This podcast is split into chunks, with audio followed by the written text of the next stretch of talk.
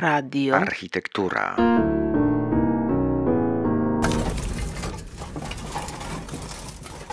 Radio Architektura spaceruje dzisiaj po parku z Kingą Netman-Multanowską. Pytam ją o to, co wydarzyło się w stolicy Macedonii, Skopie, w 1963 roku po trzęsieniu ziemi i co mają z tym wspólnego warszawscy urbaniści. Anice, Anice, Ana, prati mi sliki dve. Trochę zimno, może, może kawy się napijemy. Tak, Agnieszko, i pozwól, że ja Cię zaproszę, bo gdybyśmy były w Skopie, to bym to zrobiła, bo jestem gospodarzem.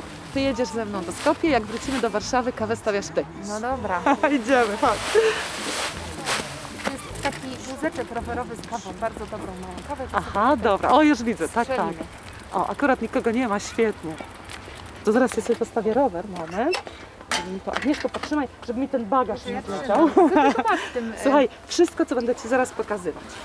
Pół Skopie przyjechało ze mną. Mhm. Proszę bardzo. Pomyśl, ja sprawdziłam, jaka jest dzisiaj pogoda w Skopie. W Skopie jest 14 stopni i piękne słońce. A u nas w listopadową sobotę jest 7. I tak nie jest źle. No, w Skopie byśmy poszły na czarsie, siadłybyśmy sobie gdzieś niedaleko jakiegoś hamamu i sączyłybyśmy kawę. A jaką kawę byśmy tam pili? No tam byśmy piły kawę, którą my nazywamy po turecku, a oni po macedońsku. Czyli kawę z- tygielka. I ja mam tygielek ze sobą. I ja Ci pokażę. Ale jakiego... będziemy tu w parku gotować E, tygielku Nie, kawę. tylko ja opowiem o nim anegdotę, bo Dobrze, specjalnie go wzięłam. dobrze.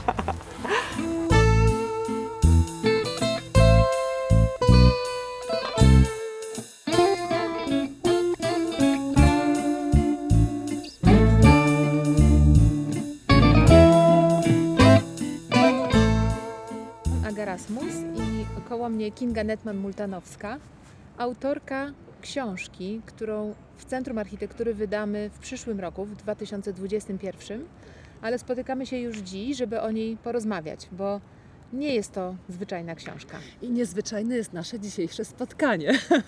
Tak, siedzimy w parku, Tak, chociaż jest listopad, w czapkach, prawie w rękawiczkach, gorącą.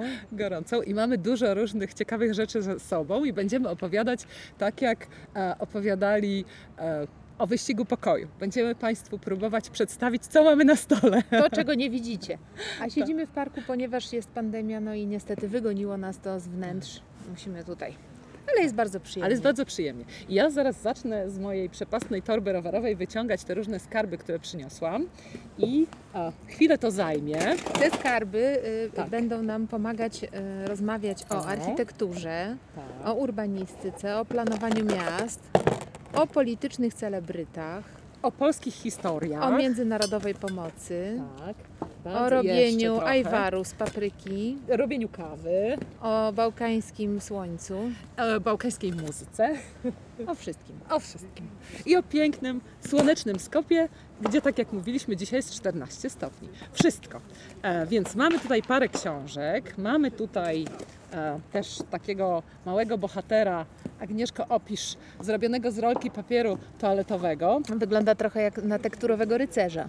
Tak, a jest to bohater e, Skopie, do niedawna bohater Skopie, Aleksander Macedoński, zrobiony przez moją córeczkę, która miała wówczas 5 lat i robiła takie figurki z papieru toaletowego, ale o nim za momencik. Nie chcę nic tu- mówić, ale taki trochę tekturowy bohater. Tekturowy i tekturowym się okazał. Tutaj mamy, a, co to? To są przypinki Tak, e, z napisami macedońskimi. Nie jestem w stanie przeczytać, tak. Ale Kinga zna macedoński. Możesz mi to przeczytać? To wyjaśnię. To jest Gosakam GTC, czyli kocham GTC. O nim też będziemy opowiadać i wtedy rozwiążemy tę zagadkę, co to było i co to jest dla Skopian, dla miasta, dla kraju GTC. Mamy tutaj e, też świetne przypinki z kolorowej rewolucji. E, pies obsikujący kolumny. Też o tym Antyczne opowiemy. kolumny, chociaż Antyczne kolumny, nie wiem, czy chociaż- z antycznego materiału Tak. zrobione. Mamy e, książkę właśnie dlaczego ważny jest GTC. Mamy książkę o architekturze Skopie i tu od czasu do czasu będziemy zaglądać. Dużo bardzo zdjęć. Tak, a to jest mój zeszyt, który odłożymy na bok. To jest bardzo ważna książka, która też się pojawi w naszej opowieści, album Skopie 63. Jak Państwo pamiętają, wiedzą lub nie wiedzą, e, 63 rok to rok trzęsienia ziemi i od tego w zasadzie zaczyna się nasza historia. I dlatego Chociaż też, jeszcze za chwilę tak, powiemy, dopiero do niej dojdziemy. tak, dojdziemy. Aha. A tutaj w tej teczce z kolei, tutaj też mam rzecz bardzo ciekawą. Wydawnictwo z lat 50. E, To jest Macedonia. Otrzymałam to od jednego z naszych polskich urbanistów, pana Bohaterów. profesora, tak, moich bohaterów i bohaterów w Skopie, e, pana profesora e, Suchorzewskiego. Też powiemy dlaczego, co i, i jaki jest tego kontekst i znaczenie. I tu mamy szalenie ciekawą rzecz w tej niebieskiej teczce. Ona trochę będzie szeleścić, bo to wszystko jest tu popakowane w takie koszulki foliowe, ale zawartość jest zupełnie niezwykła. Niesamowite pocztówki stare. Tak, i to są pocztówki, ha, to są Taki trochę orwokolor. Niby kolor, ale Orwo kolor i najróżniejsze, tak, najróżniejsze rzeczy, zaraz do tych, o, pocztówki są tutaj. To są pocztówki w to zasadzie z lat twoje zbiory. to są moje zbiory, tak. Najstarsza jest z lat 30., ale tak naprawdę nas interesuje Skopie lat 70. I tych pocztówek jest tutaj bardzo wiele. Ja je w pewnych momentach będę wyciągać i, i opowiadać. I Agnieszko, będziemy opisywać, co widzimy na pocztówkach. Tutaj jest też e, powiększone historyczne bardzo zaproszenie. Pan Adolf Ciborowski. e, O którym też będzie mowa. tak, zaprasza panią Zorycę Nestor, też opowiemy, kim ona była, na przyjęcie do hotelu Grand. E, przyjęcie 29 września 1966 roku o 7.30 wieczorem. Strój oczywiście jak najbardziej elegancki. Także o tym wszystkim opowiemy. W takim razie powiedzmy, y, dlaczego w ogóle rozmawiamy o Skopie? Jaki jest Twój związek z tym miastem? Gdzie ono jest i o co w ogóle chodzi? Zacznijmy od tego, gdzie ono jest. Ono jest nie tak wcale daleko od Warszawy. Znajduje się na Bałkanach. Jest to stolica Macedonii. My mówimy Macedonia, ale tak naprawdę nazwa państwa to Republika Macedonii Północnej. I o tym właśnie państwie i o tej stolicy mówimy. E, Ja tam mieszkałam przez 4 lata. E, Mieszkałam, ponieważ e, tak się akurat ułożyło moje życie. Mój mąż jest dyplomatą i zanim niejako pojechałam do, do Skopie, byliśmy tam całą rodziną. No i, i była to niesamowita przygoda. I powiem tylko, to jest myślę ważne. Oczywiście zawsze jak wyjeżdżamy gdzieś wspólnie, e, ze względu na pracę Jacka, ja sprawdzam dokąd jedziemy, co to za miasto, e, co mnie tam czeka, czego się spodziewać. I tak samo było w przypadku Skopie. I ja oczywiście wygooglałam sobie wszystko o Skopie i jakoś zupełnie, zupełnie przepuściłam informację o tym, że tam było trzęsienie ziemi.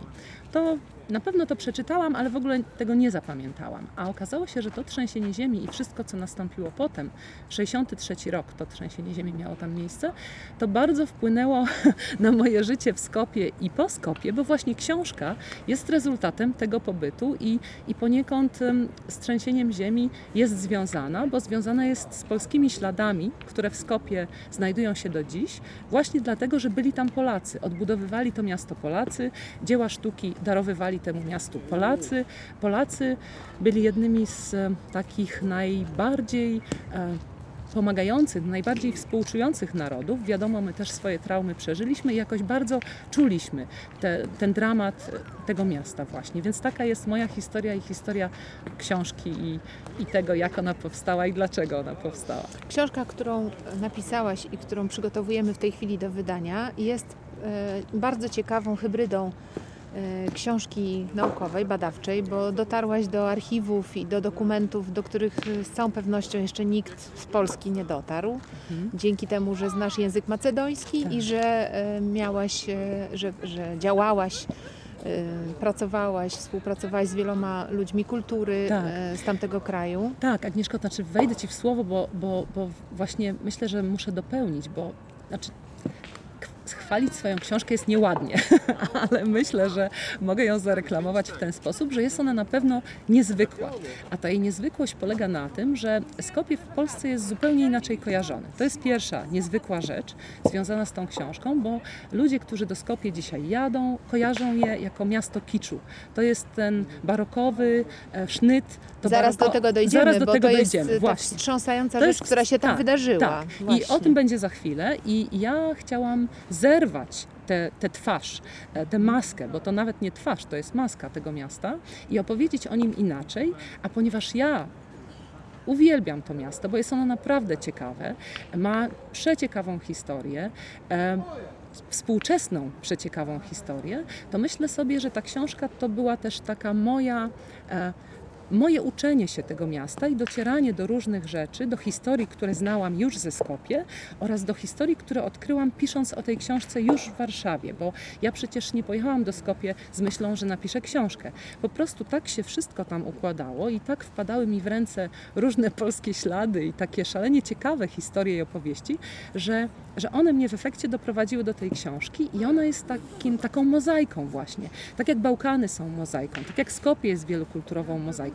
Tak i ta książka jest takim opowiadaniem z puzli. Można to wszystko powinno do siebie pasować, ale w zasadzie to są fragmenty o różnych kształtach, różnej barwie, różnych emocjach. To, to jest szalenie ciekawe miasto i chciałam właśnie, żeby ludzie zrozumieli, że, że Skopie to nie jest to, co my widzimy jadąc tam, że to nie jest ta maska tego właśnie projektu barokowego Skopie 2014, bo to jest jakiś chichot historii, że to się wydarzyło w Skopie. Natomiast to jest opowieść o ludziach, o poezji, bo tam też Agnieszko sama wiesz, jest dość dużo poezji. Ja się przyjaźniłam z poetami i, i jakoś i uczyłam się języka też przez poezję. I Tam są bardzo ciekawe e, też e, opowieści o kulturze. Tak, tak. I o historii tego miasta, z przewodników, które znalazłam.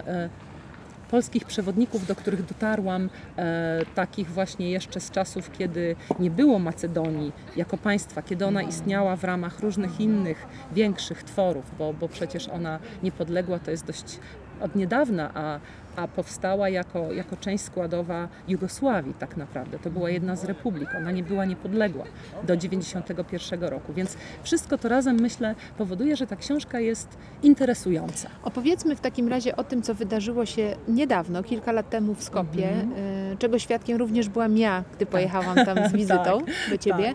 E, i zobaczyłam coś, co absolutnie mnie zaszokowało. W międzyczasie już kilku dziennikarzy, reporterów czy fotografów z Polski e, pokazało zdjęcia ze Skopie 2014, Tak. więc to nie jest całkiem nieznany temat. Niemniej wciąż wydaje mi się, że jest wart e, opowiedzenia, bo Tak. jest to, jest, to, jest to coś szokującego, co można zrobić z miastem Mhm. i z architekturą. Tak, znaczy byłoby to śmieszne, gdyby nie było tragiczne. Właśnie.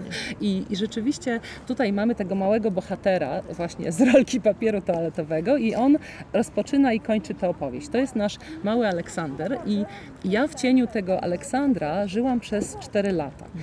W On cieniu... jest Aleksander Wielki, a tu jest bardzo malutki, jest zrobiony, przypomnijmy, z rolki papieru toaletowego, ma tekturową tarczę, Tak, y, kawałek firanki jako szatę. loczki, Loczki z żółtego z papieru, i papieru zrobiła to kolorowego. Matylda, która miała 6 lat i Matylda żyła w tym mieście i to miasto też ją w jakiś sposób kształtowało, tak jak kształtowało małych Macedończyków, pokolenie właśnie e, jej rówieśników. Przy czym, jak widzę, ona y, pewnie y, y, dzięki rodzicom sączącym odpowiednie informacje podeszła do tego ironicznie. I Tak. Aleksander Wielki jest tutaj rzeczywiście marniutki. Malutki.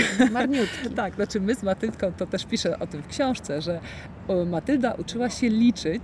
E, chodziłyśmy po, po, po Skopie, po centrum Skopie i liczyłyśmy pomniki, bo tych pomników była tam ogromna liczba. Oczywiście są to pomniki, które powstały w ramach Tak, projektu Skopie Skopie 2014. 2014. I Wysyp Matylka- pomników, Tak, prawda? wysyp pomników. I Matylka umiała liczyć do 50 i 50 była w stanie naliczyć, ich było więcej, więc są Państwo w stanie sobie wyobrazić, jak dużo tego było i jak to miasto zostało tak naprawdę zniszczone i zdeformowane. Kto za tym stał i Tak. jaka była tego, jaka była intencja? Geneza, tak. Znaczy to nie jest opowieść prosta i to, to nie zaczyna się wszystko, jak mówi nazwa Skopie 2014, to się nie zaczyna w roku 2014, to się zaczyna nieco wcześniej, bo nawet nie tak nieco, bo e, prawie 30 lat wcześniej Mówimy o roku 1991, kiedy rozpadła się Jugosławia. Macedonia stała się wtedy po raz pierwszy niepodległym państwem. E, I Macedończycy uznali, że będą się nazywać Republika Macedonii. I to niestety spowodowało protest sąsiadów, Greków, którzy nie dość, że nie uznawali tej nazwy, to jeszcze nie uznawali atrybutów, e, które wybrali sobie Macedończycy, godła flagi. Te zostały zmienione, ale nazwy Macedończycy zmienić nie chcieli. Problem z Macedonią jest taki, że Macedonia to jest duża kraina geograficzna. I ta Macedonia, jako kraina geograficzna, leży w obrębie trzech państw. To jest Bułgaria, To jest Macedonia i to jest Grecja. I Grecy protestując i mówiąc, że ta nazwa jest zastrzeżona dla Macedonii, twierdzili, że Macedończycy mogą sobie rościć pretensje do ich terytorium na przykład oraz, że zawłaszczają sobie ich tą antyczną kulturę i tradycję, że to nie jest ich. E, No i, i Macedończycy rzeczywiście stanęli w obliczu em, albo zmiany nazwy, albo trwania przy tej nazwie, którą sobie wybrali, ale to niosło ze sobą liczne konsekwencje. Jakie? W 1993 roku Republika Macedonii zostaje przyjęta do em, Organizacji Narodów Zjednoczonych. Protestuje Grecja, oczywiście. W związku z tym e, zostaje przyjęta jako ten nieszczęsny Fyrom, czyli ta była Jugosłowiańska Republika Macedonii. I od tego roku w zasadzie istnieje pod taką nazwą. I to jest wielki dramat Macedończyków, bo są krajem bez nazwy. Tak oni zawsze o tym mówili. I właśnie teraz dochodzimy do projektu Skopje 2014. Dlaczego to się wydarzyło? E, Wydarzyło się to dlatego, że Macedończycy byli rozczarowani tym stosunkiem świata do nich. Oni byli młodym, niepodległym państwem, któremu od, odmawiano bycia tym, kim chcą być. Te dziwne dźwięki, które słychać, to stukanie, to ludzie grający w bóle za naszymi plecami. Mam nadzieję, że nie będzie to bardzo przeszkadzać w słuchaniu. Albo ubardzić słuchanie. Być może. W każdym razie skończyłyśmy na Nikoli Grujewskim, e, który, był, który stoi za tym projektem 2014, w Skopie 2014. On e, był premierem. E, Skopianinem, rocznik e, 1970 i w zasadzie mówi się, że to on wymyślił ten projekt. Oczywiście nie on sam, on miał doradców, ale był to projekt dla Macedonii, tej Macedonii odrzuconej przez świat, tej Macedonii, którą nazywano Fyrą, e, tej Macedonii, która czuła się opuszczona i, i taka osamotniona i zdradzona, jako to nowe, niepodległe państwo. E, Grujewski wymyślił właśnie nową legendę, czy nową, nową historię Macedończyków, e, właśnie nawiązując do historii Aleksandra Macedońskiego, a pamiętajmy, że dzisiejsi Macedończycy to są Słowianie, więc e, Aleksander Macedoński nie mógł być ich dalekim pradziadkiem, ale właśnie ten mały tutaj e, bohater, który stoi na naszym stole, to, to on nas przenosi do Skopie, bo Agnieszko, pamiętasz ten ogromny pomnik, który Na stoi placu do dziś, tak, na głównym placu, na placu Macedonii, to był właśnie Aleksander Macedoński, którego nikt w Skopie tak nie nazywał. Na koniu w skoku. Ale nazywano go wojownik na koniu właśnie. Olbrzymi pomnik. E, olbrzymi pomnik, który też działał na nerwy Grekom oczywiście. Ta macedońska gigantomania akurat właśnie w tym pomniku wyszła. I Nikola e, Grujewski w zasadzie zaimportował Macedończykom nową duszę do miasta, do, do stolicy, bo, bo Skopje nigdy jako miasto nie przeżywało renesansu ani baroku, tak jak na przykład nasze miasta w tej części Europy, bo przecież pamiętajmy, że w 1392 roku e, weszli do Skopie Turcy i przez 500 lat Skopie rozwijało się jako miasto osmańskie, miasto tureckie, więc one to miasto nie znało ani e, właśnie renesansowej tradycji budownictwa, ani barokowej, a to, co budowano w, Skopie, to było właśnie nawiązanie do baroku i do renesansu. Czyli korzenie, które doczepiono Skopie w ramach projektu 2014 były a z gruntu fałszywe. z gruntu fałszywe. W ogóle nie ich. To nie była ich architektura w żaden sposób. No i co najzabawniejsze, jak ona powstawała. Inspirację Nikola Grujewski brał z miast europejskich, stolic, do których jeździł i przywoził różne takie cuda. I coś przywiózł z Paryża, coś przywiózł z Rzymu, coś z Londynu i potem to powstawało e, właśnie w, w naszym biednym Skopie Niewielkim w sumie mieście. niewielkim w sumie mieście e, i zaraz przeczytam, bo tutaj przyniosłam sobie małą ściągę i mam listę tych nowych obiektów, ale zanim e, dojdziemy do, do tej listy, to chciałam powiedzieć, że właśnie dlaczego on to robił. Znaczy Nikola Grujewski odrzucał miasto, które było. Odrzucał miasto, w którym on się wychował. Czyli miasto nowoczesne, Nowoczesne, modernistyczne. modernistyczne, jugosłowiańskie, socjalistyczne Skopie, bo uważał, że one je, ono jest właśnie międzynarodowe. To nie jest macedońskie miasto. Ono nie oddaje macedońskiego ducha. A Nikola Grójski poszukiwał czegoś, co by było tym duchem macedońskim, ale niestety, pamiętajmy, tu należy to powiedzieć, projekt 2014 był projektem w zasadzie jednego etnosu, czyli tych Macedończyków Słowian, odrzucał Albańczyków, którzy przecież e, w 25% stanowią mieszkańców Macedonii i również bardzo licznie zasiedlają Skopie, więc to była idea z gruntu zła też tak naprawdę, bo ona była nacjonalistyczna.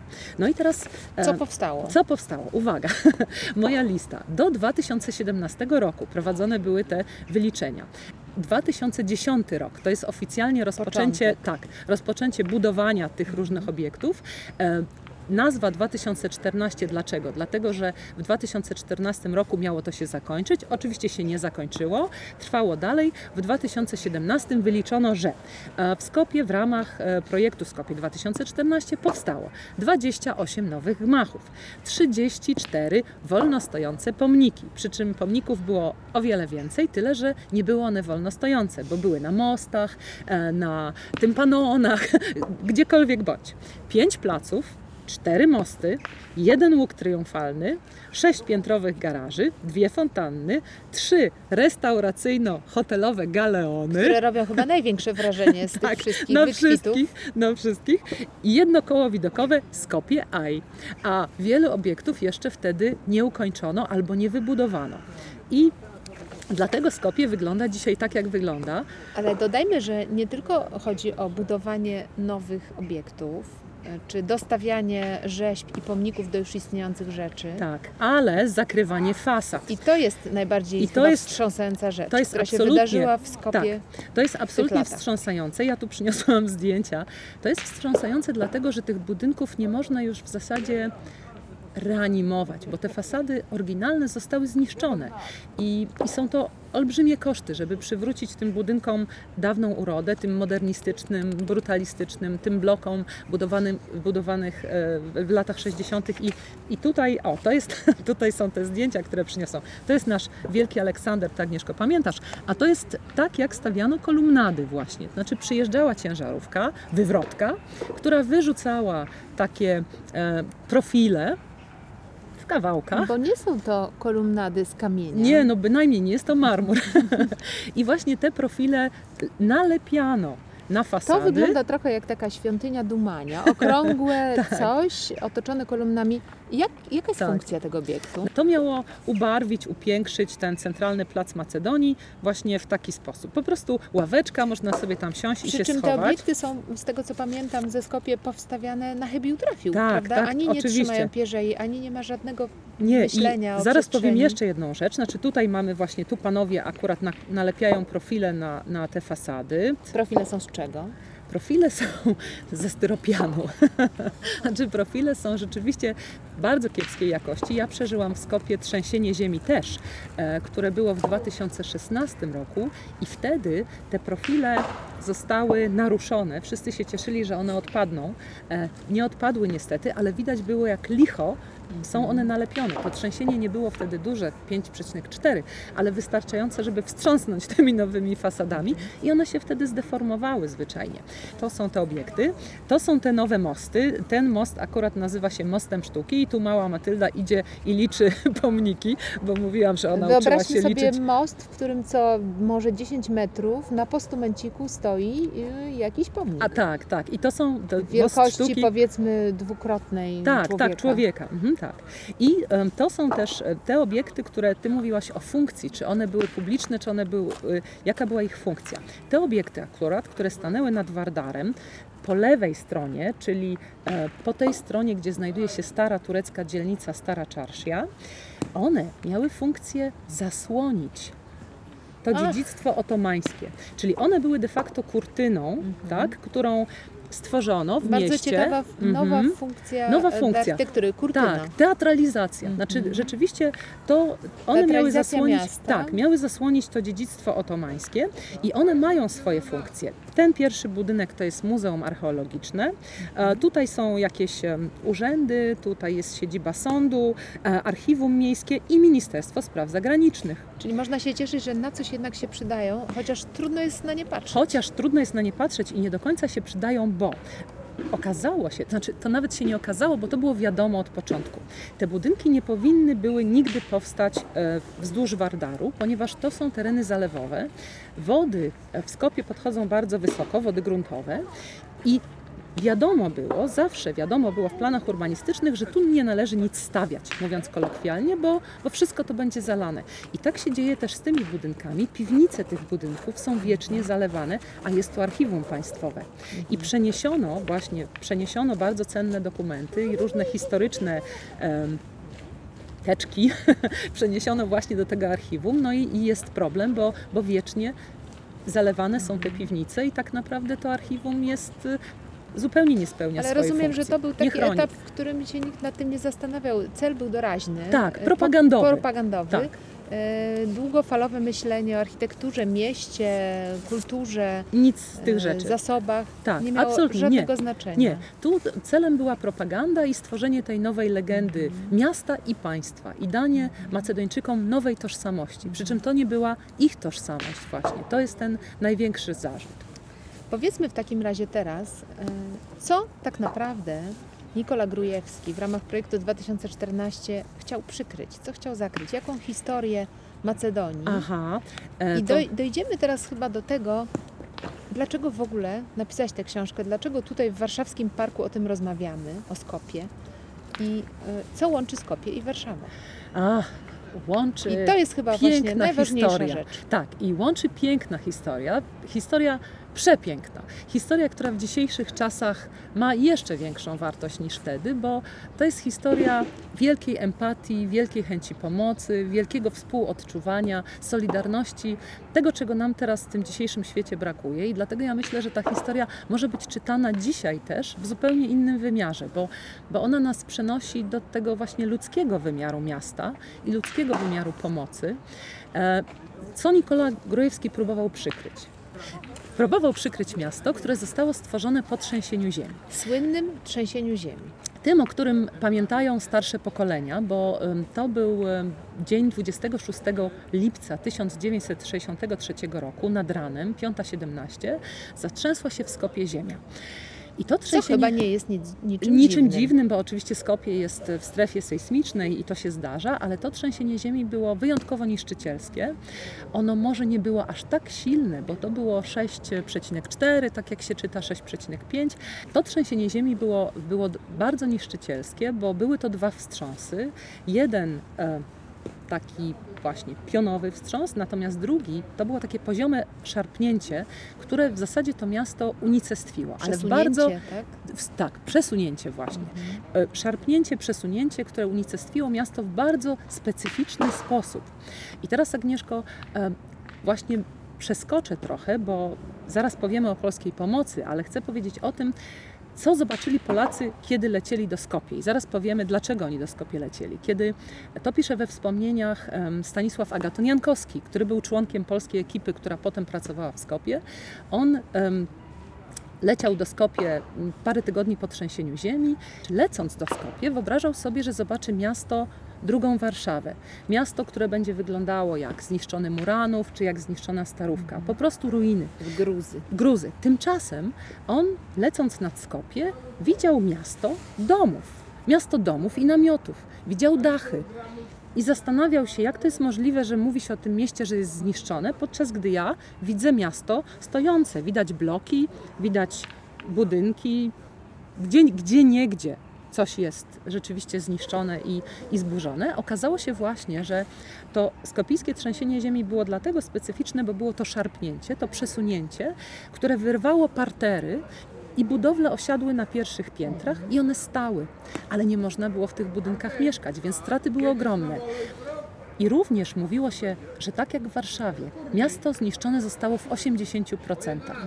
Tyle, że Warszawa zniszczona została oczywiście w czasie działań wojennych o wiele silniej i o wiele gorzej, bo niszczone były parki, drzewa, instalacje. Skopie na szczęście wszystko, co pod ziemią, cała ta podziemna infrastruktura zachowała się nienaruszona, ale nie istniały, nie można było mieszkać w budynkach. One nadawały się w zasadzie do wyburzenia. Czy do wyburzenia albo do rekonstrukcji, do odbudowania i to e, To robili też majstrowie macedońscy e, i albańscy. Właśnie to opisuje nawet em, Adolf Ciborowski, a pamięta pan Maciej Ciborowski, syn Adolfa Ciborowskiego, który jako chłopiec w Skopie był i obserwował to właśnie, jak ci e, majstrzy rekonstruują te budynki. I co ciekawe, pan Maciej Ciborowski spędził tam ze swoimi rodzicami rok. E, Adolf Ciborowski pracował dłużej, ale pan Maciek był tam tylko rok, miał wtedy mniej więcej 14 lat. I on przechadzał się po tym odbudowywanym, rekonstruowanym Skopie i e, chodził tam do szkoły przecież i zawsze z podziwem patrzył na tę robotę e, właśnie tych, tych fachowców, tych, tych chłopów macedońskich, którzy budowali to tak, jakby budowali swoje chaty na wsi.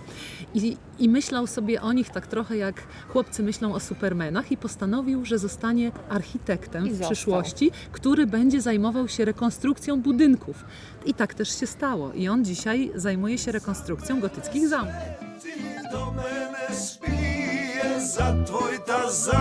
Mene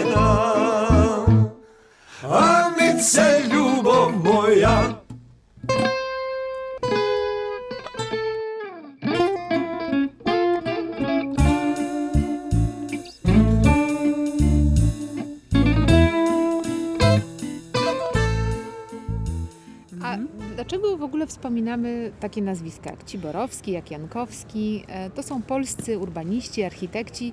Skąd oni się wzięli w Skopie po trzęsieniu ziemi? Jak to w ogóle, Tak. jak do tego w ogóle doszło? Jak do tego doszło? Właśnie już opowiadam, bo ja opowiadałam, że lecieli samolotem, ale teraz dlaczego oni tym No samolotem właśnie. lecieli? To To jest był, przypomnijmy, który rok? To był rok 63, ale znaleźli się tam, do pracy pojechali tam w roku 64. I teraz jak to było? Właśnie zacznijmy od początku. Kiedy wydarzyło się to straszne trzęsienie ziemi, oczywiście informacje wtedy krążyły zupełnie inaczej po świecie. Najpierw musiano nadać meldunek ze Skopie o tym, co się stało, a linie telefoniczne nie działały, kable były pozrywane. E, Meldunek pierwszy nadał e, Jowan Popowski, autor tego właśnie albumu. O, teraz nam się przyda album. E, To Skopie bardzo... 1963. 63, tak. Jowan Popowski był dziennikarzem, dziennikarzem macedończykiem, ale dziennikarzem belgradzkiej polityki i on e, był redaktorem tego albumu, który miał zostać wydany w roku 63 właśnie, latem i pokazywał jak Skopie od 45 roku, czyli kiedy zostało włączone do Jugosławii, jak wypiękniało, jak się modernizowało, jakim się stawało wspaniałym miastem Macedończyków. To jest taki album, jakich pełno również było Tak. w PRL-u, pokazujący życie codzienne Tak. w nowej architekturze, Tak, w tak. słońcu, Dynamiczne, nowoczesne miasto. Panie w ładnych sukienkach, Tak. panowie w ładnych e, ubraniach, garniturach. Kawiarenki, parasole, E, Jest fabryki. wszystko pięknie. Wszystko pięknie, ale co się stało? Tuż przed wydaniem tego albumu nastąpiło trzęsienie ziemi. I w związku z tym Jowan Popowski i y, inni redaktorzy doszli do wniosku, że ten album nadal należy wydać, tylko połowa tego albumu będzie poświęcona trzęsieniu ziemi. Rzeczywiście, I album tutaj na dzieli, początku tak. mamy budynki, nowe bloki, e, wspaniałe, Supermarkety, tak, właśnie piękne obiekty. domy towarowe i nagle pojawia się czarna karta. Zaraz Mhm. Ci otworzę tutaj właśnie ten album. Czarna karta, zobacz. O. Tak. Czarna karta, napisane jest 20, e, 26 lipca 63 roku i potem idą bardzo dramatyczne zdjęcia z, ze Skopie w dniu trzęsienia ziemi. Ruin uciekających ludzi, Tak, i ci ludzie- załamanych, płaczących, Płaczących- załamujących ręce. I y, zobacz Agnieszko, oni są wszyscy w piżamach, panie w koszulach nocnych, bo to było właśnie rano, 5.17, oni zostali wyrwani z łóżek. To był bardzo upalny dzień, bo lato w Skopie jest upalne, a ten lipiec był w ogóle bardzo ciepły. Są boso. boso. Niektóre panie są w ogóle w koszulkach lub nawet stanikach, bo po prostu nie można było spać tej nocy. To- Rzeczywiście, mężczyźni Mhm. w, e, rozebrani, tak, a tak, osoby tak. zawinięte kocami, Tak. prześcieradłami. Całe rodziny, widzę, idą Tak. w piżamach z dziećmi na rękach i Tak. właściwie bez żadnych rzeczy, Bez żadnych rozumiem, nie rzeczy. zdążyli ze sobą Nie, złapać, oczywiście nie. Oni wyskoczyli po tym pierwszym wstrząsie, a później był ten drugi, to szarpnięcie, o którym I to opowiadałam. wszystko jednak po prostu w ruinach. I wszystko w ruinach, W bo, bo akurat te zdjęcia robione są w, w, na Starym Mieście, czyli tam, gdzie budynki nie były betonowe, bo to nie było to nowe Skopie, które powstawało po wojnie, tylko to było to Skopie ceglane, e, które budowane było jeszcze wcześniej. I te budynki rzeczywiście legły w gruzach. Legł w gruzach na przykład hotel Macedonia, który pogrzebał wszystkich wszystkich Niestety. klientów, czy wszystkich mieszkańców, właśnie wszystkich turystów, e, to wielki dramat. Dramatów było mnóstwo, tyle że szczęśliwie, ponieważ to był lipiec, koniec lipca, to w Skopie nie było zbyt dużo ludzi, dlatego że z z racji tej upalnej pogody ludzie latem zazwyczaj opuszczają miasto i tam zostają tylko ci, którzy muszą chodzić do pracy. I tak się stało też tym razem. W Skopie nie było dzieci, bo były na koloniach, na obozach, u babci, dziadków na wsi. W Skopie nie było zbyt wielu mieszkańców i zginęło jedynie przy tym ogromnym trzęsieniu ziemi, które zniszczyło 80% miasta, jedynie ponad, nieco ponad tysiąc osób. To nadal jest wielki dramat, ale to jest tylko tysiąc osób, a mogło zginąć przecież o wiele więcej. I co też jest istotne, do 1963 roku, mimo że Skopie było w strefie, wiadomo było, że jest w strefie sejsmicznej, nie budowano budynków w taki wzmacniany sposób. One nie były przystosowane do trzęsień ziemi i dopiero po 1963 roku wprowadzono zasady i bardzo rygorystyczne zasady, jak należy budować, aby uniknąć takiego dramatu właśnie. Więc, więc to, to jest ten album. I to Jowan Popowski, o nim żeśmy rozmawiały. No i Jowan Popowski nadaje meldunek, meldunek dociera do Belgradu, z Belgradu rozchodzi się po całym świecie, dociera do Polski. I w Polsce w porannych wiadomościach informacja o trzęsieniu ziemi zostaje podana, w porannych informacjach radiowych i w zasadzie od razu następuje zbiórka. Polacy bardzo, bardzo... Nazajutrz, czyli pewnie 27 lipca. Nie, nie, nie, 26 rano, bo Aha. 5.17 Czyli trzęsienie jeszcze tego ziemi samego jeszcze dnia. tego Depesze samego dnia. docierają. Absolutnie. I samolot, pierwszy polski samolot, o czym pamiętają Skopianie, ci starsi i wspominają, polski samolot był jednym z pierwszych z pomocą, który wylądował na lotnisku w Skopie. Przy czym lotnisko w Skopie to było lotnisko trawiaste, to było bardzo prowincjonalne miasto w sumie i lotnisko było takie. I tam już 26 lipca zlatywały samoloty jeden po drugim, jeden po drugim. Jednym z pierwszych samolotów był samolot z Polski. Potem pomoc bardzo e, szybko została zebrana i już wysyłana koleją, częściowo samolotami, ale właśnie jak znalazła się tam ekipa urbanistów. Nie jest to nigdzie napisane w dokumentach i nie wiadomo tak do końca, kto rzeczywiście wpadł na ten pomysł, ale ja mam swoją teorię, ponieważ dotarłam już do tylu dokumentów i rozmawiałam z tyloma osobami, że ja uważam, że pomysł, aby e, do Skopie wyjechali polscy urbaniści, wyszedł od Adolfa Ciborowskiego, czyli naczelnego architekta Warszawy. Adolf Ciborowski ten pomysł zgłosił władzom. Władze oczywiście ten pomysł zaakceptowały, nie mogły nie zaakceptować, bo był to okres, kiedy znakomicie rozwijały się polsko-jugosłowiańskie stosunki dyplomatyczne i władze powiedziały tak, jedźcie.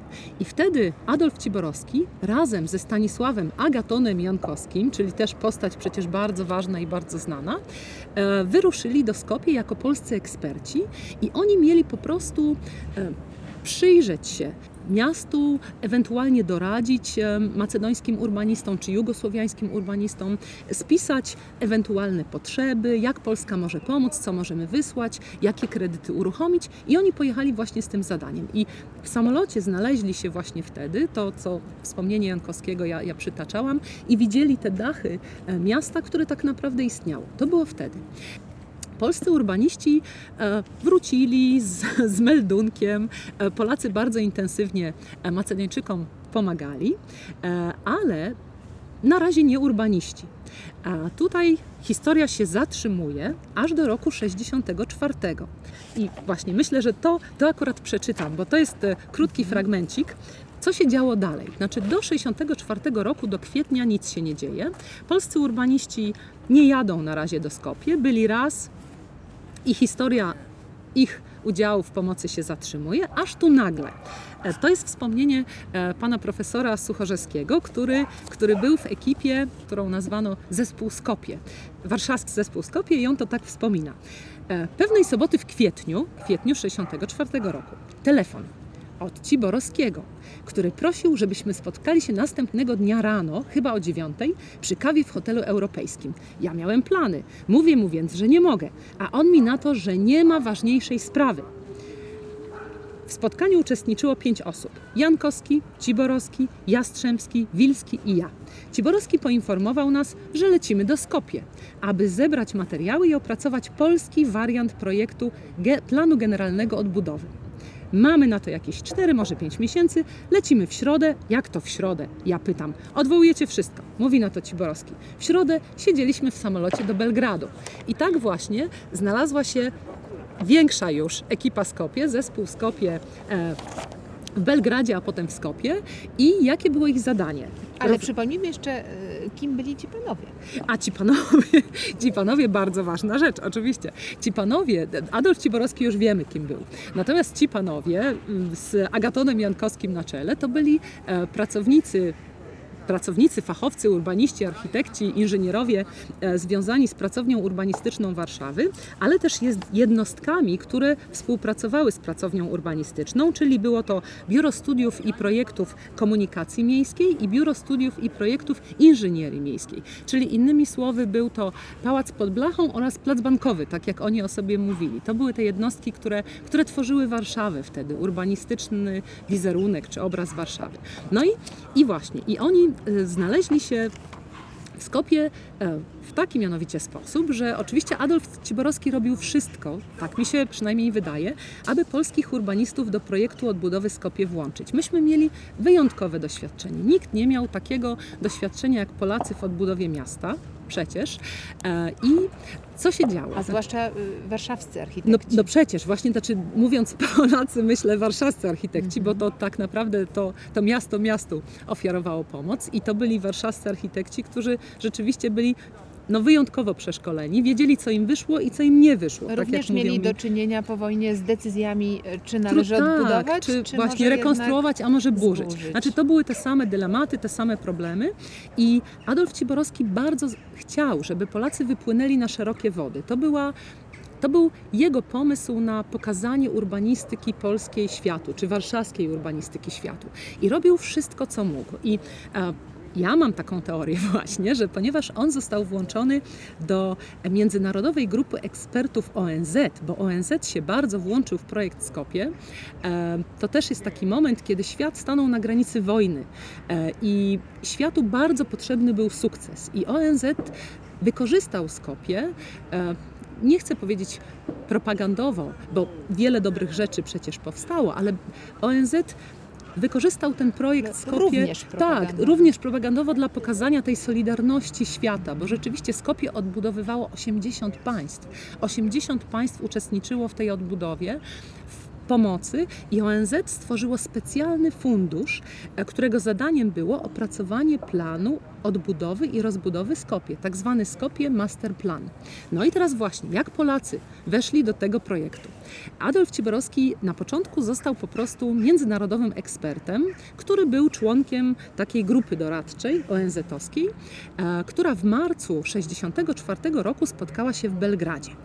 I Jest taka legenda, którą mi wielokrotnie opowiadano, że on na chusteczce, takiej serwetce papierowej, namalował Tito, jaki pomysł dla Skopie mają Polacy. Zawsze w kawiarniach na serwetkach się najlepsze pomysły ponoć I szkicuje. Tito, tak, Tito zachwycił się tym polskim pomysłem i powiedział tak. To w takim razie, znaczy ja to już mówię, tak, Polacy wchodzą w to. Polacy nie zostali oficjalnie zaproszeni przez ONZ, bo do tworzenia planu odbudowy Skopie została za, zaproszona grupa grecka. To była pracownia architektoniczna bardzo znanego wówczas e, architekta urbanisty, Konstantinosa Doxiadisa. I to jego pracownia została wybrana przez ONZ do tworzenia tego planu. A Polacy weszli niejako bocznymi drzwiami przez ten plan nakreślony na tej serwetce gdzieś podczas oficjalnego lunchu. E, No i teraz co się dzieje? Właśnie wraca z tej konferencji w marcu Ciborowski.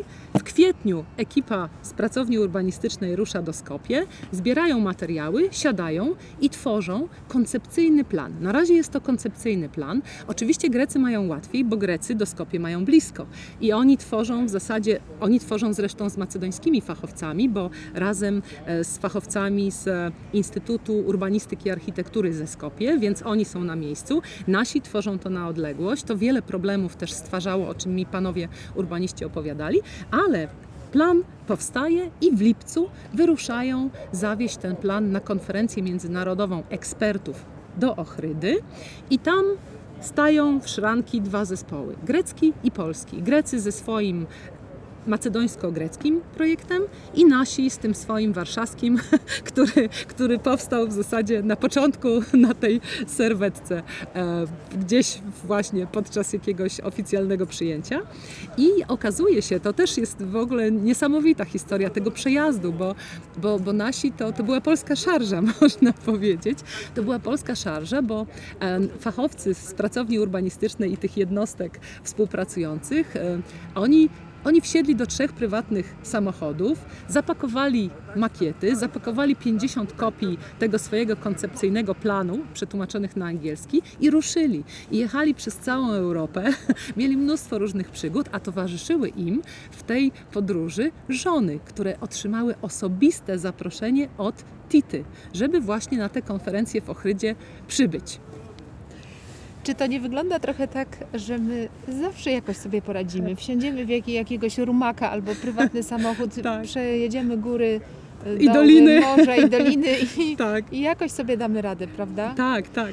A y, czy możesz y, opowiedzieć nam jeszcze o tym, jak udało Ci się dotrzeć i porozmawiać z żyjącymi jeszcze Panami, tak. e, osobami, które wtedy w tym wszystkim, tej niesamowitej historii bra, brały Tak, udział? znaczy ja w ogóle zanim powiem o panach, z którymi rozmawiałam, to jeszcze wymienię panów, z którymi już niestety nie dane mi było porozmawiać, bo, bo to są wielkie nazwiska i to mało kto o tym wie, że tacy fantastyczni ludzie byli w Skopie i że to oni to miasto tworzyli i de facto Skopie poniekąd w Skopie zostawili kawałek siebie, tak można powiedzieć. Więc na tej liście tam pracowało około 20 polskich fachowców. Adolf Ciborowski już wymieniłyśmy, Stanisław Agaton-Jankowski, jeszcze jedna pomnikowa postać, Stanisław Orsza-Broniewski, naczelnik Szarych Szeregów. On był ekonomistą, ale urbanistą i on też się tam w tej ekipie znalazł. Był tam pan Kazimierz Marczewski, który był rysownikiem życia Warszawy, no i współautorem kina Moskwa na przykład. I on był najstarszy w tej polskiej ekipie. Jest mnóstwo bardzo zabawnych anegdot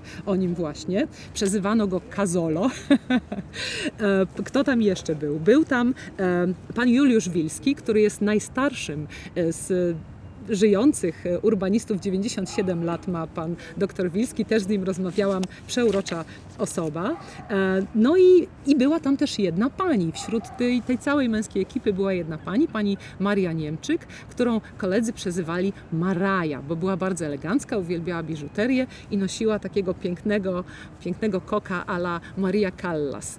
E, I, I z kim rozmawiałam? Znaczy rozmawiałam, udało mi się porozmawiać z siedmioma panami. Wiadomo, że to są najmłodsi członkowie tej ekipy, bo panowie urodzili się w końcu lat 20. i 30., mają 80 parę, 90 parę lat.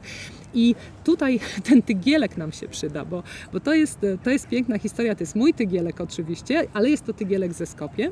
Kiedy pierwszy raz poszłam do, do, parzenia kawy. do parzenia kawy, tak, tak, Jak oczywiście. to się mówi po E, To się turecku? mówi, po turecku to się mówi dżezwe. O, dżezwe. E, I to jest ta kawa właśnie na czarsi piłybyśmy kawę z tego tygielka, czyli kawę z dżezwę, z cukrem. A Taką, nie z tekturki jak nie, dzisiaj tutaj. oczywiście. I taką bardzo słodką i mocną strasznie. No i kiedy pierwszy raz poszłam do, do pana inżyniera Stanisława Furmana, który był członkiem właśnie tej ekipy Skopie, e, on mnie pyta, pani Kingo, to co, kawa? Ja mówię, tak, tak, ka, tak, kawa. O, to kawa z dżezwę, ze Skopie. Czyli ile lat, ile lat ma on to dżezwę ze Skopie, jeśli w Skopie był 65-66 rok, a dżezwę ma do dzisiaj i do dzisiaj parzy sobie w nim kawę. To było niesamowite, więc pierwsze nasze spotkanie piliśmy z takiego dżezwę właśnie kawę, a inny pan, pan e, Pan, który jest, e, był socjologiem w tej ekipie, e, z kolei pan, pan doktor Sufin, on mi powiedział też takie piękne zdanie, które zapamiętałam, kiedy rozmawialiśmy o Skopie, on się tak zadumał przez chwilę, tak próbował sobie różne rzeczy przypomnieć i powiedział coś takiego, mówi, ach pani Kingo, Skopie do dziś jest w nas. Znaczy to też pokazuje, jakie to dla nich było niewiarygodne przeżycie. Zresztą w tobie też Skopie jest do dziś. Tak. Jest takiego chyba. Tak, i ja się śmieję, że stałam się członkiem zespołu Skopie poniekąd. To zresztą panowie mnie też mianowali członkiem zespołu Skopie, bo rzeczywiście znaczy, odczuwamy w podobny sposób. I w ogóle trzeba też ich zrozumieć, bo pamiętajmy, to była Polska komunistyczna. Oni w zasadzie nigdzie nie wyjeżdżali. I nagle udają się na zagraniczny kontrakt, ONZ-owski kontrakt, dobrze płatny. Oczywiście do Jugosławii, do Jugosławii, która, była wówczas- zachodnia. Tak. I oni do tej zachodniej Jugosławii jadą, pierwszy raz w życiu wyjeżdżają za granicę i są pierwszy raz w życiu bogaci. Znaczy to było niesamowite, bo oni oczywiście nie dostawali całej tej kwoty, które od ONZ, którą e, od ONZ dostawał Polserwis, który ich tam wysłał, ale dostawali na tyle dużo pieniędzy, że mogli sobie pozwolić na wiele rzeczy i żyli naprawdę bardzo tak e, właśnie jak Krezusi powiedział to pan. Przez chwilę. Pan Wyporek, tak, jeden też z członków ekipy, więc przez chwilę. Ale wspomnienia mają piękne, ponieważ była to też ta macedońska egzotyka, właśnie ta zachodniość Jugosławii. Oni też pierwszy raz wtedy pojechali nad Adriatyk na przykład, bo oczywiście panowie, jak to wszyscy Polacy, objeździli cały region, mieli takie możliwości, więc oni regularnie jeździli do Chorwacji, e, która wtedy była częścią Jugosławii przecież, przedzierali się przez góry. Jest mnóstwo bardzo zabawnych anegdot o tym, i one są zresztą w książce, jak oni przedzierają się gdzieś przez jakieś przełęcze e, w marcu. W ogóle nie zdawali sobie sprawy, że tam może być śnieg, bo przecież byli ludźmi z Warszawy, nie mieszkali w górach nigdy i, i przedzierali się przez śniegi, mieli, mieli różne przezabawne przygody, kupowali sobie tam samochody, więc dużo, dużo tam mieli przygód i byli to niezwykli ludzie i zżyli się ze sobą bardzo. Oni byli zżyci już w Warszawie, bo współpracowali, ale tam mieszkali jeszcze razem. Oni mieszkali tam w takim większym trochę baraku, ala motelu dwupiętrowym, wszyscy razem, przez w zasadzie cały rok. Niektórzy jeszcze dłużej, bo ten kontrakt został potem przedłużony. Więc oni, oni musieli z sobą być, żyć i wytrzymać.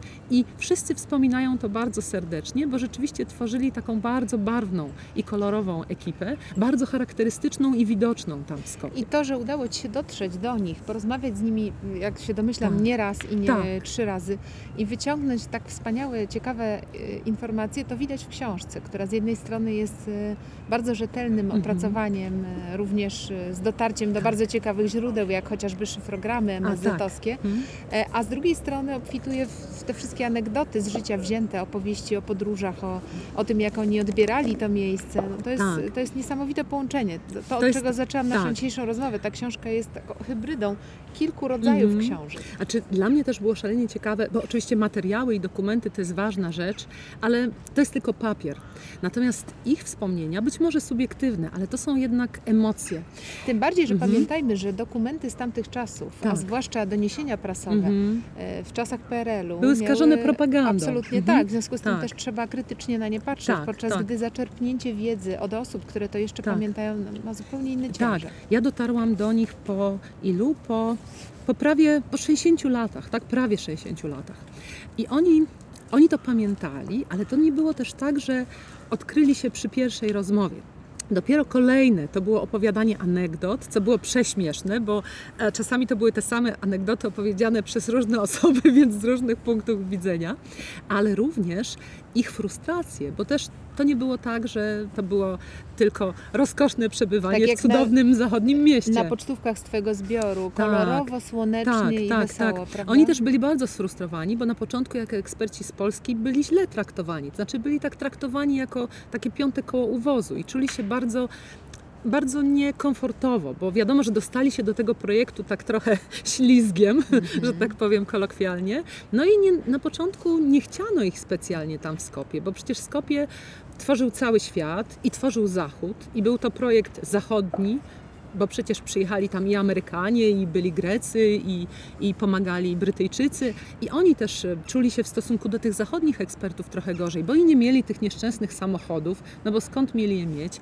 I ich zarobki też właśnie nie były takie, bo nie dostawali tej całej kwoty, która im de facto się należała za pracę, tylko jakiś tam fragment, resztę e, brał Polserwis, więc, więc to wszystko nie było takie różowe. I kiedy e, już, kiedy wyżalili się mi, tak, to wówczas okazywało się, że są to nieprawdopodobne wspomnienia i przeżycia. I teraz ja pokażę Ci trochę z pocztówek może z tego miasta, które oni po sobie pozostawili, Ale tak to jest Twój powiedzieć. zbiór, który e, od jakiegoś czasu gromadzisz. Znaczy, zaczęłam go gromadzić właśnie z myślą o tej książce, bo wcześniej e, pocztówki ze Skopie nie były moją pasją. Natomiast kiedy sama zaczęłam się ym, tą architekturą zajmować i historią miasta, to, to te pocztówki okazują się bezcenne tak naprawdę. Tym bardziej, że na wielu z nich napisane są takie słowa pozdrowień. Em, Serdecznie pozdrawiam z pięknego w Skopie. Serdecznie pozdrawiam z nowoczesnego Skopie. Serdecznie pozdrawiam z niezwykłego Skopie. To też pokazuje, jakie wrażenie to miasto robiło na ludziach. Latach 60. Którzy przyjeżdżali i 70. Mhm. Przypomnijmy jeszcze raz, Polacy tworzyli ten tak zwany e, Skopje Master Plan, czyli ten ogólny plan urbanistyczny dla miasta. E, Tam jest budynek polski, o którym zaraz powiemy. To jest muzeum.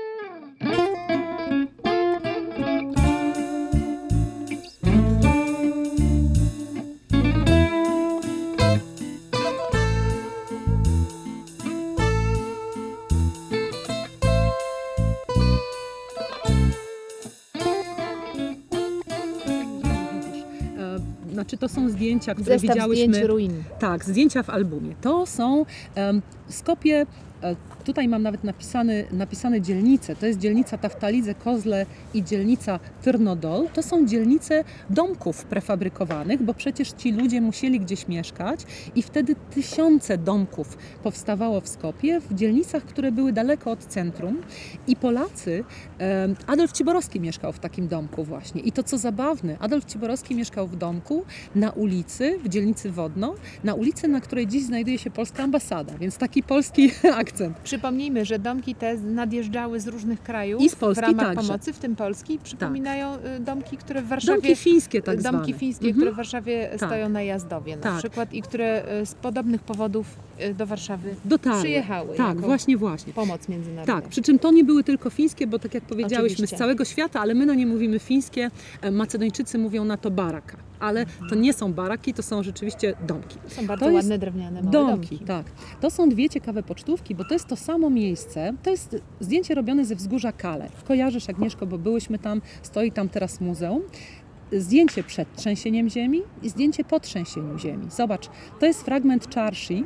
To była żydowska dzielnica, która została kompletnie zburzona w trzęsieniu ziemi i później w czasie odbudowy tu był taki pusty plac, na którym powstał dworzec autobusowy, tymczasowy dworzec autobusowy, dopóki nie został wybudowany wielki kompleks e, komunikacyjny Kenzotangego. Także tutaj zajeżdżały do Skopie autobusy. No, widzimy Ugor z, Ugór Tak, z autobusami. Tak, to jest e, właśnie zdjęcie, to samo wzgórze, tylko zupełnie z innej perspektywy. Teraz widzimy wzgórze i taki e, biały kwadrat. I może nikt by go nie zauważył, ale my go zauważymy, bo wiemy, że to jest nasze muzeum. I właśnie możemy o tym powiedzieć trochę więcej. O tym możemy powiedzieć więcej, oczywiście. A czy jest w Skopie jeszcze jeden polski ślad, przepiękny, z którego możemy być dumni. Oprócz masterplanu, oprócz baraków, które Oprócz tam baraków, w tak. darze. Mhm. Oprócz szkoły Marii Skłodowskiej-Curie, no i paru jeszcze rzeczy. Ten budynek to jest jeden z najpiękniejszych budynków miasta i też lokalizacja jego jest wyjątkowa, no bo, bo on jest wyniesiony jest na tym wzgórzu, które w środku miasta, wzgórze Kale, piękne, tam była dawniej turecka twierdza, jest to Muzeum Sztuki Współczesnej. I wczoraj właśnie, 13 listopada, to muzeum świętowało 50-lecie właśnie otwarcia, a projektantami byli polscy architekci, Tygrysy, Kłyszewski, Mokrzyński, Wierzbicki. Oni to zaprojektowali dla Macedończyków. Macedończycy za własne pieniądze i składki to sobie pobudowali, ale jest to absolutnie przepiękna przestrzeń i co jeszcze jest ważne, ten budynek mieści też kolejny niesamowity polski ślad, tak zwaną polską kolekcję sztuki, bo Skopie jest niesamowite z jeszcze jednego powodu, że ta solidarność objawiła się także w wielkiej zbiórce artystów z całego świata, którzy przekazali Skopie swoje dzieła. Na wezwanie e, Blagoj Popowa, Blagoja Popow to był mer miasta Skopie w tamtych czasach i ponieważ Skopie utraciło zbiory muzealne, to Blagoja Popow wezwał artystów z całego świata do wspomożenia w Skopie w, w budowaniu nowych kolekcji. I rzeczywiście artyści tej klasy, co Picasso, co Calder, co Henry Moore, przesłali swoje prace i przesłali też oczywiście Polacy. W, czterech zorganizowanych zbiórkach i są tam obrazy artystów tej klasy, co Starzewski, Nowosielski, Lenica, Pongowska, Berdyszak, Makowski, mnóstwo fantastycznych nazwisk, w zasadzie historia polskiej sztuki i jest tych polskich dzieł ponad 200 przesłanych przez y, ponad 130 polskich artystów. I to wszystko właśnie w magazynach tego pięknego muzeum, które znajduje się na Kale. Opowiedziałaś nam bardzo wiele Ale na szczęście w książce jest jeszcze dużo, dużo więcej, więc niewyczerpany jest ten temat. Tak. Natomiast na koniec wróćmy do początku. Rozmawiałyśmy o tym, e, co w, w, w okolicach 2014 roku wydarzyło się w Skopie, o naklejaniu styropianu e, w barokowych kształtach na modernistyczne budynki, o niszczeniu tej modernistycznej i Mhm. brutalistycznej historii architektury tego Tak. miasta. Co dzieje się w Skopie teraz? Jest 2020 rok. Tak, co dzieje się w Skopie teraz? Ja specjalnie przygotowując się do tej naszej rozmowy, zajrzałam do internetu i wypisałam sobie parę rzeczy, które się dzieją, bo Agnieszko, pamiętasz, moja, moja książka kończy się w marcu 2020 roku, tak? Pandemia, lockdown, wszyscy chowamy się w domach i w zasadzie na tym, na tym ona się kończy. Natomiast co się od tego czasu wydarzyło? Znaczy, bo od czasu Skopie 2014 to się wydarzyło dużo, bo nastąpiła zmiana władzy, e, teraz jest już zupełnie inny premier. A E. dodajmy jeszcze chociaż jednym zdaniem, w jakich okolicznościach nastąpiła zmiana władzy. Tej władzy, która barokizowała Skopie, Tak. antykizowała i dopisywała e, te macedońskie Tak, korzenie. znaczy my, obawiam się, że nie mamy czasu tak bardzo się w to Jednym zagłębiać. zdaniem. I jednym zdaniem e, nastąpiła tam szereg różnych wydarzeń, w tym kolorowa rewolucja, czyli właśnie taka taki action painting, to, to action painting, którego, e, którego dokonali mieszkańcy miasta, e, właśnie bardzo sfrustrowani tym, co się działo, patologią władzy, ale także tym, co się działo z tym miastem. I historia jest długa, ja, ja nie będę tutaj e, w to wchodzić. E, W każdym razie te społeczne niepokoje, czy to społeczne niezadowolenie, które też właśnie w sprayowaniu tych fasad Oraz rzucaniu bomb z farbami. tak, oraz rzucaniu bomb sprawami. To są właśnie te, o tutaj to nasze pudełko pełne tych, tych e, Przypinek przypinek kolorowych. kolorowych. To Bardzo jest, ta, kolorowych. to jest e, ta, ta rewolucja, która się tam wyda- wydarzyła. Znaczy te białe fasady barokowo-renesansowe zapacykowano, tak, tak, pseudo-barokowe. zapacykowano kolorową farbą, rzucając, rzucając baloniki e, wypełnione różnymi kolorami o, właśnie o te fasady. Nawet budowano takie maszyny oblężnicze, trochę jak Leonardo da Vinci, żeby strzelać tymi balonikami jak najwyżej. I to miasto w pewnym momencie było szalenie kolorowe. Właśnie z tego białego centrum zrobiło się szalenie pstrokate i właśnie po macedońsku ta rewolucja nie nazywa się kolo- kolorowa, tylko szarena. A szarena to jest pstrokata. To była taka radosna, wesoła właśnie rewolucja. Oczywiście oskarżano tych protestujących o, o wandalizm, ale był to wandalizm w pewien sposób uzasadniony, tak, tak bym powiedziała. No w każdym razie władza się zmieniła, e, jest nowy premier, premier Zoran Zajew. E, Też różne były perturbacje. To był 2017 rok, teraz mamy 2020. W międzyczasie Macedończycy zmienili nazwę państwa, bo, bo podpisali umowę e, z Prespy z Grekami i właśnie nazywają się teraz, tak jak na początku ja powiedziałam, czyli Republika e, Macedonii Północnej i w związku z tym Grecy odblokowali ich negocjacje z Unią Europejską w sprawie ewentualnego wejścia do Unii Europejskiej. Macedończycy w marcu tego roku stali się członkami NATO. e, I kiedy wszystko już wyglądało właśnie tak dobrze, to nagle negocjacje z Unią Europejską zablokowali Bułgarzy.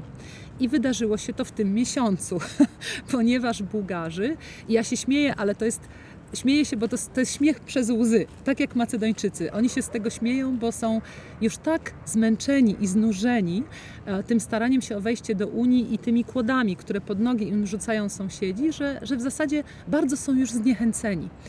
E, O co chodzi z kolei Bułgarom? Bułgarom nie chodzi o nazwę, Bułgarom chodzi o język, ponieważ Bułgarzy dowodzą em, Macedończykom oraz światu, że tożsamość macedońska, kultura i język ma korzeń bułgarski.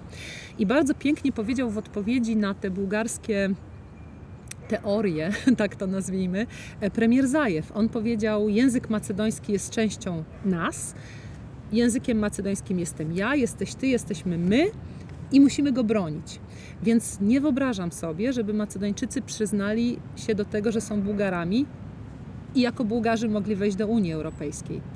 To jest teraz wielki problem e, Angeli Merkel w zasadzie, bo teraz prezydencję w Unii Europejskiej mają Niemcy i Angela Merkel robi wszystko do końca roku, mają tę prezydencję, aby jednak e, między Sofią a, a Skopie nastąpiło jakieś porozumienie i aby Bułgarzy odblokowali to weto, bo, bo, bo z tym wetem nic więcej się nie może. Macedończycy mają drogę absolutnie zablokowaną. Ale my wracamy do miasta, także to jest to, co się wydarzyło w polityce. Wiele, wiele, wiele rzeczy, o których ja, ja nawet nie wspominam, ale co w mieście, bo nas interesuje miasto. E, Niestety marazm. Marazm to jest hasło, które wszyscy znajomi ze Skopie mówią, nic się nie dzieje, marazm, jest gorzej. E, I dlaczego jest gorzej? Znaczy ja teraz e, właśnie powiem. Nikt nie stawia nowych kolumnat, ale też nikt nie, nie burzy czyści starych, tak. Znaczy wszyscy mieli nadzieję, że tak jak odeszła władza, która zarzuciła Skopie tworami e, Skopie 2014, tak po jej odejściu e, znikną te Ktoś twory. od, odklei Tak, ten styropian. Niestety, no to, to są proble- problemy i finansowe, i prawne, e, i problemy także takie powiedziałabym emocjonalne, bo części ludzi to się jednak podoba. To znaczy elity są oczywiście przeciwko, bo, bo to nie jest macedońskie, ale, ale ludzie z prowincji przyjeżdżają do Skopie i są tą nową stolicą zachwyceni, bo przecież to jest piękne, białe, dostojne miasto, więc poza tym, e, jak wiemy też, e, nie jest łatwo dlatego, że ludzie, którzy tworzyli Skopie 2014, czyli tacy szeregowi urzędnicy, którzy dawali zgody na pewne rzeczy, nadal są na tych swoich stanowiskach. I w związku z tym oni nie są zainteresowani tym, żeby się z tym rozliczyć, bo, bo oni ponosiliby odpowiedzialność, więc odkręcenie tego jest bardzo trudne z wielu powodów, no i stąd też rozczarowanie. A Skopie 2014 się rozpada, znaczy ono przecieka, te fasady też się psują i y, budynek to piękny budynek i wielki i dostojny, to tak zwany Nowy Teatr Narodowy. To był budynek, który odtworzono. Jest to replika tego, co zostało zniszczone w trzęsieniu ziemi. Jeden z najnowocześniejszych budynków teatralnych w Europie, ja myślę. Odtworzony wtedy, w Y, latach 60. Nie, nie, odtworzony teraz w, w ramach ramach. projektu Mhm. 2014. Jacek Głąb, e, reżyser teatralny, mówił nam, że on tam zresztą realizował spektakl. On mówił nam, że, że, że technika, która jest w tym teatrze, jest zupełnie nieprawdopodobna, jest kosmiczna w stosunku do tego, co mają polskie teatry, więc dlatego mówię, że budynek naprawdę znakomity, ale architektonicznie straszny, on się rozpada, on za- zaczął przeciekać, on jest nieczynny. Znaczy to jest architektura budowana bardzo na kolanie, że tak powiem. Czyli wychodzi na to, że Skopie 2014 samo się może rozpaść. Samo się może rozpaść na oczach ludzi, ale co się dzieje poza tym? Oprócz tego, że jest marazm, to e, teraz w Skopie obowiązują dwa nowe hasła. Zazielenianie oraz em, rekonstrukcja i rewitalizacja. I wymie- wymienię parę projektów przedziwnych, które się właśnie w tym roku em, wydarzyły, czy zostały przeprowadzone. Wiosną e, 2020 roku, właśnie wtedy, kiedy wszyscy siedzieliśmy w domach, Macedończycy też, lockdown, wszyscy zamknięci, na czarszie wjeżdżają Czyli tę starą turecką starą dzielnicę. turecką dzielnicę, tak, wjeżdżają e, koparki i ciężarówki i co się dzieje? Zrywają bruk w ramach rewitalizacji i kładą nowy. Taką kostkę, jak to u nas ko- Mhm. są te różne kostki o różnych nazwach, Betonowe. No, A jakieś zerwali, tam. rozumiem, Tak. piękny kamienny bruk Zerwali teraz dramat polega na tym, to w ogóle ta kostka ma piękną turecką nazwę, kalderma to się nazywa. I oczywiście e, tam na, na Czarsi część tej kostki nie była taka bardzo stara, bo ona też została zrekonstruowana w latach 60. Niemniej jednak nie była nowa i była bardzo dobrana i elegancka, sama Agnieszko pamiętasz, cokolwiek tam było wyglądało bardzo Spójnie. dostojnie i bardzo spójnie. Natomiast to zostało wymienione. Ludzie wyszli z domów, zobaczyli, że czarsia jest cała rozkopana, a część już pokryta nową kostką. Szok i zdziwienie. A to wszystko w ramach rewitalizacji czarsi. Projekt zazieleniania miasta. To jest też mm, rzecz niesłychana, ale przed budynkiem GTC, czyli takiego wielkiego domu towarowego, e, w zasadzie tuż obok placu Macedonii, e, wyłożono trawnik w ramach zazieleniania miasta. Trawnik, który wszyscy okrzyknęli pastwiskiem dla owiec, a nawet tacy młodzi, młodzi, e, młodzi e, aktywiści miejscy wystawili tam takie e, drewniane owce razem z psem pasterskim, takim małym burkiem wielkości naszego psa. I to pastwisko dla owiec, tak na oko, jak ja próbowałam mierzyć w internecie zdjęcie, które znalazłam, to ma może 20 metrów na 50. Jest to trawnik, który kosztował, uwaga, 530 tysięcy euro. Jakim cudem. No właśnie, O to pytają Skopianie. Jakim cudem, tak? Kolejny projekt, który jest równie drogi, a nawet droższy, bo kosztował 550 tysięcy euro, to jest tak zwany zielony dach GTC. Czyli na tym właśnie wielkim domu towarowym, e, to jeszcze w zeszłym roku, w listopadzie nastąpiło otwarcie, e, huczne otwarcie zielonego dachu. Ten dach jest rzeczywiście, dach budynku jest ogromny, ale ten zielony dach, o którym mówimy za 550 tysięcy euro, to jest jakiś kwadracik na fragmencie tego dachu jakieś rachityczne drzewka, parę krzewów, jakieś klomby z kwiatkami, fontanna i to jest zielony dach Skopie. A Co dalej? Oczywiście zalewane są piwnice muzeów, które stoją i archiwum, które stoją przy Wardarze, to o tym już mówiłam. No i też wielkie rozczarowanie budzi nowy plan urbanistyczny miasta, bo właśnie teraz em, zaprezentowano projekt nowego planu urbanistycznego dla Skopie, który i tutaj architekci, liczni architekci podnoszą larum, który w zasadzie przewiduje projektowanie i opisywanie części, nazwijmy ją europejskiej, tej, tej części, która jest po prawej stronie rzeki, a Czarszia i to, co jest po lewej stronie rzeki, jest zupełnie zostawione samo sobie. I teraz architekci mówią i urbaniści mówią, jak to? Przecież to jest e, całość. Most kamienny spina te dwie części. To jest centrum. Jedna część centrum, druga część centrum. Skopie 2014 równo dotknął jedną część i drugą. Zniszczył przestrzeń publiczną tutaj i tam. Jeśli mówimy o nowym projekcie urbanistycznym dla centrum miasta, należy rozpatrywać to jako całość. Ale nie, niestety. Została tylko opisana ta, ta, ta właśnie jedna część. Nie i tylko, turecka, nie Tak, nie albańska. turecka, nie albańska. No i, i to też pokazuje właśnie, że, że to miasto nie ma pomysłu na Skopie niestety. No i to widzą też mieszkańcy. I jest to w sumie bardzo przykre, bo, bo Skopie miało swoje piękne dni, ale widać, że te piękne dni na razie jakoś nie, Nie chcą nadchodzą. wrócić. Mhm, Nieszczęsne Skopie. Tak. Wspaniałe, niesamowite, mozaikowe, bogate miasto. Tak, ale przeciekawe. I Ja myślę, że nie powinnyśmy kończyć smutno tego naszego wywiadu, bo Skopianie przeżyli też dwa dni temu ogromną radość, niezwiązaną zupełnie z miastem, ale musimy, się, musimy o tym wspomnieć i, i, i, i ucieszyć razem z nimi, a mianowicie po raz pierwszy w historii Macedończycy zakwalifikowali się do Euro 2021 i Skopie szaleje z radości, więc historia kończy się pozytywnie. Życzymy podobnych sukcesów temu miastu w urbanistyce i architekturze. Tak, miejmy nadzieję. Znaczy ja też trzymam kciuki za Skopie, bo, bo to jest naprawdę niezwykłe miejsce.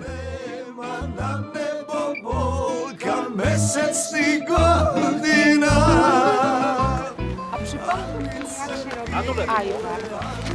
Akwaru w Polsce nie zrobisz, bo nie ma w Polsce tej piperki ze, od strumicy, czyli, no, czyli papryki z miejscowości Strumica, która jest najlepsza na ajwar. A gdyby była, to należy kupić 80 kg papryki, wystawić sobie tawę przed blokiem. Anice, ljubav moja